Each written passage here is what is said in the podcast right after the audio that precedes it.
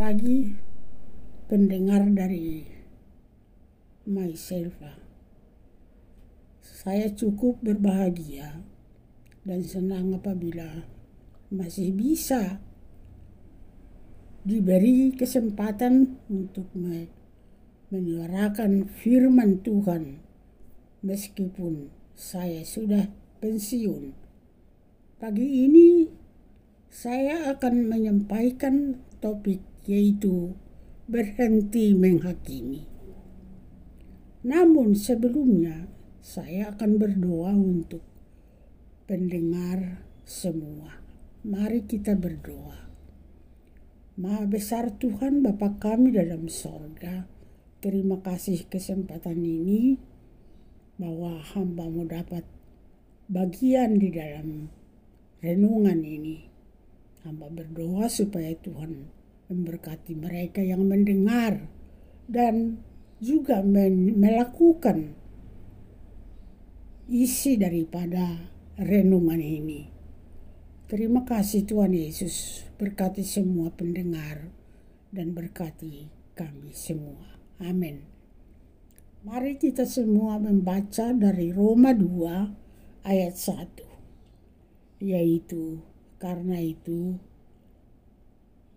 hai manusia, siapa pun juga engkau yang menghakimi orang lain, engkau sendiri tidak bebas dari salah. Sebab dalam menghakimi orang lain, engkau menghakimi dirimu sendiri.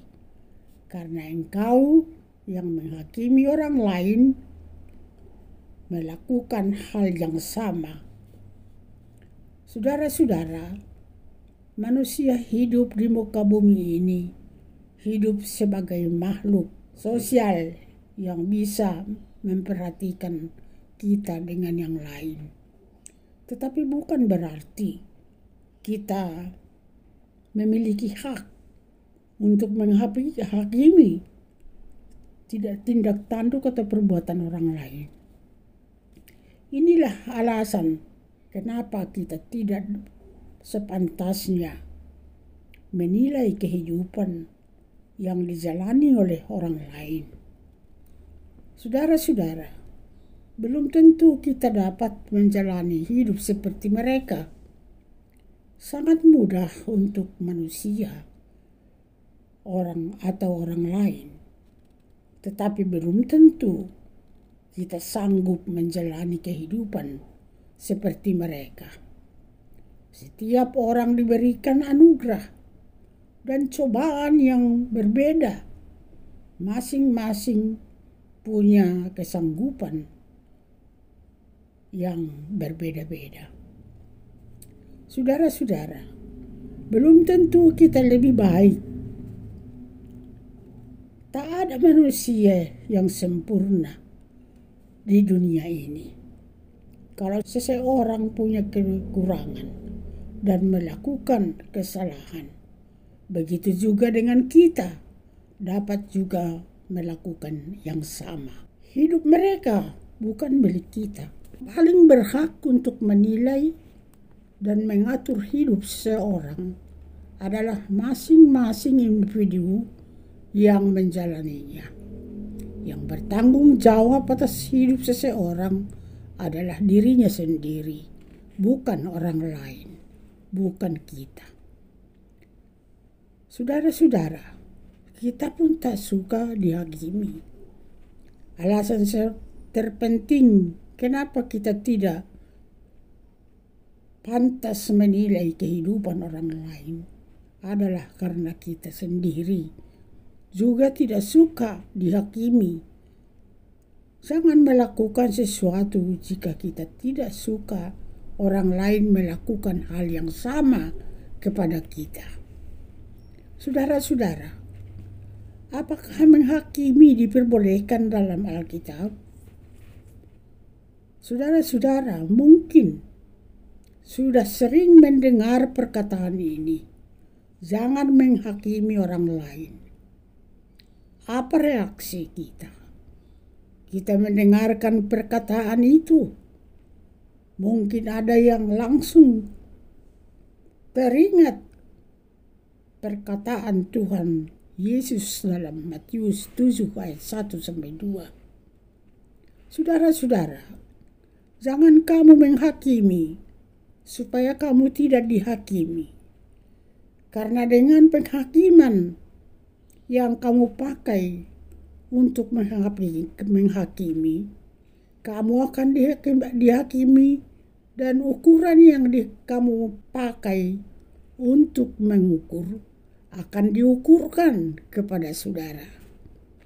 Saudara-saudara yang kekasih, untuk menjawab keraguan atau ketidaktahuan tentang jangan menghakimi orang lain, perlu menyelidiki firman Allah sebagai dasar dan fondasi pengetahuan.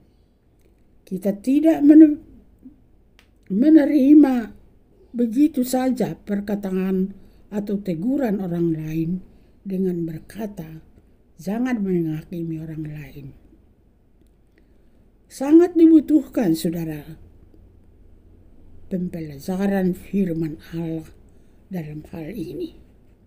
Saudara-saudara, menghakimi adalah menentukan suatu atau orang itu salah atau benar dalam firman Tuhan Allah.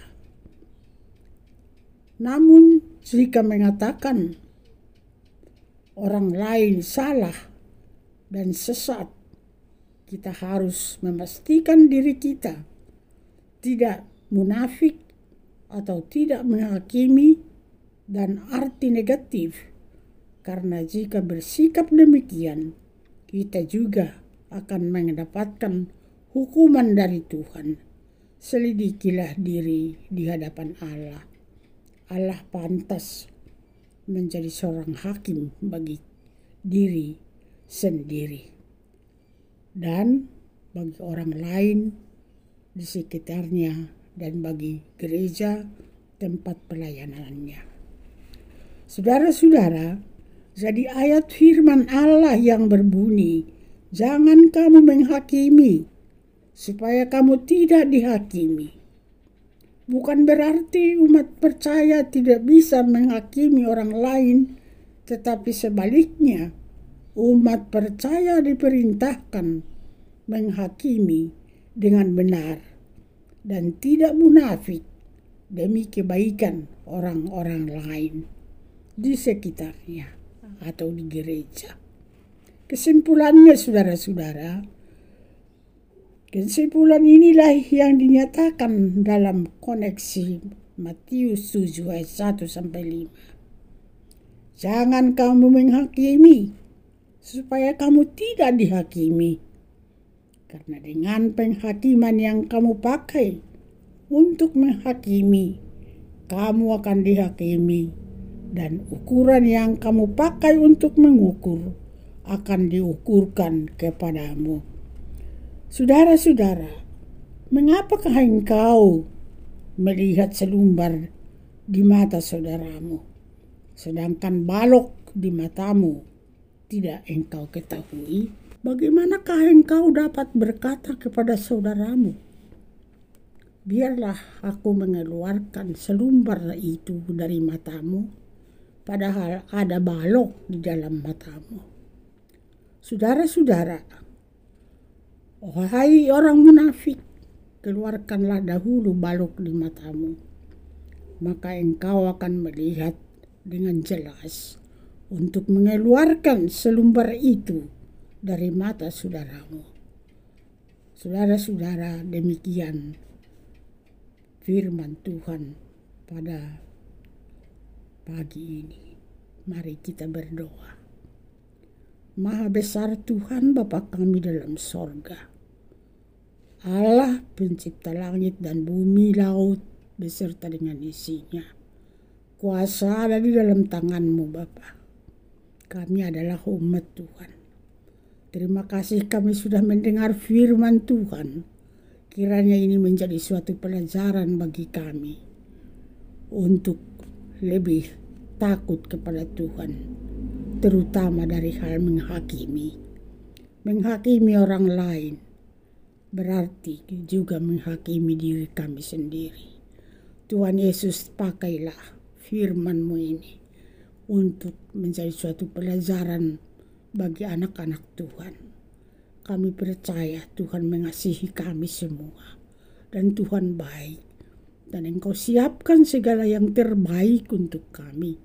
Dan karena itu berkatilah firman ini, tolong supaya ini menjadi pelajaran buat kami semua tidak menghakimi orang lain. Dan lihat lebih dahulu, sebab itu jangan menghakimi. Terima kasih saya ucapkan kepada Tuhan bagi kesempatan ini. Hambamu boleh mendapat bagian di dalam ber, persekutuan ini. Terima kasih Bapa di sorga, terpuji Engkau. Haleluya. Amin. Amin. Amin. Demikianlah saudara-saudara renungan saya pada pagi hari ini. Semoga dapat menjadi berkat kepada yang mendengarkan. Selamat beraktivitas. Tuhan Yesus memberkati.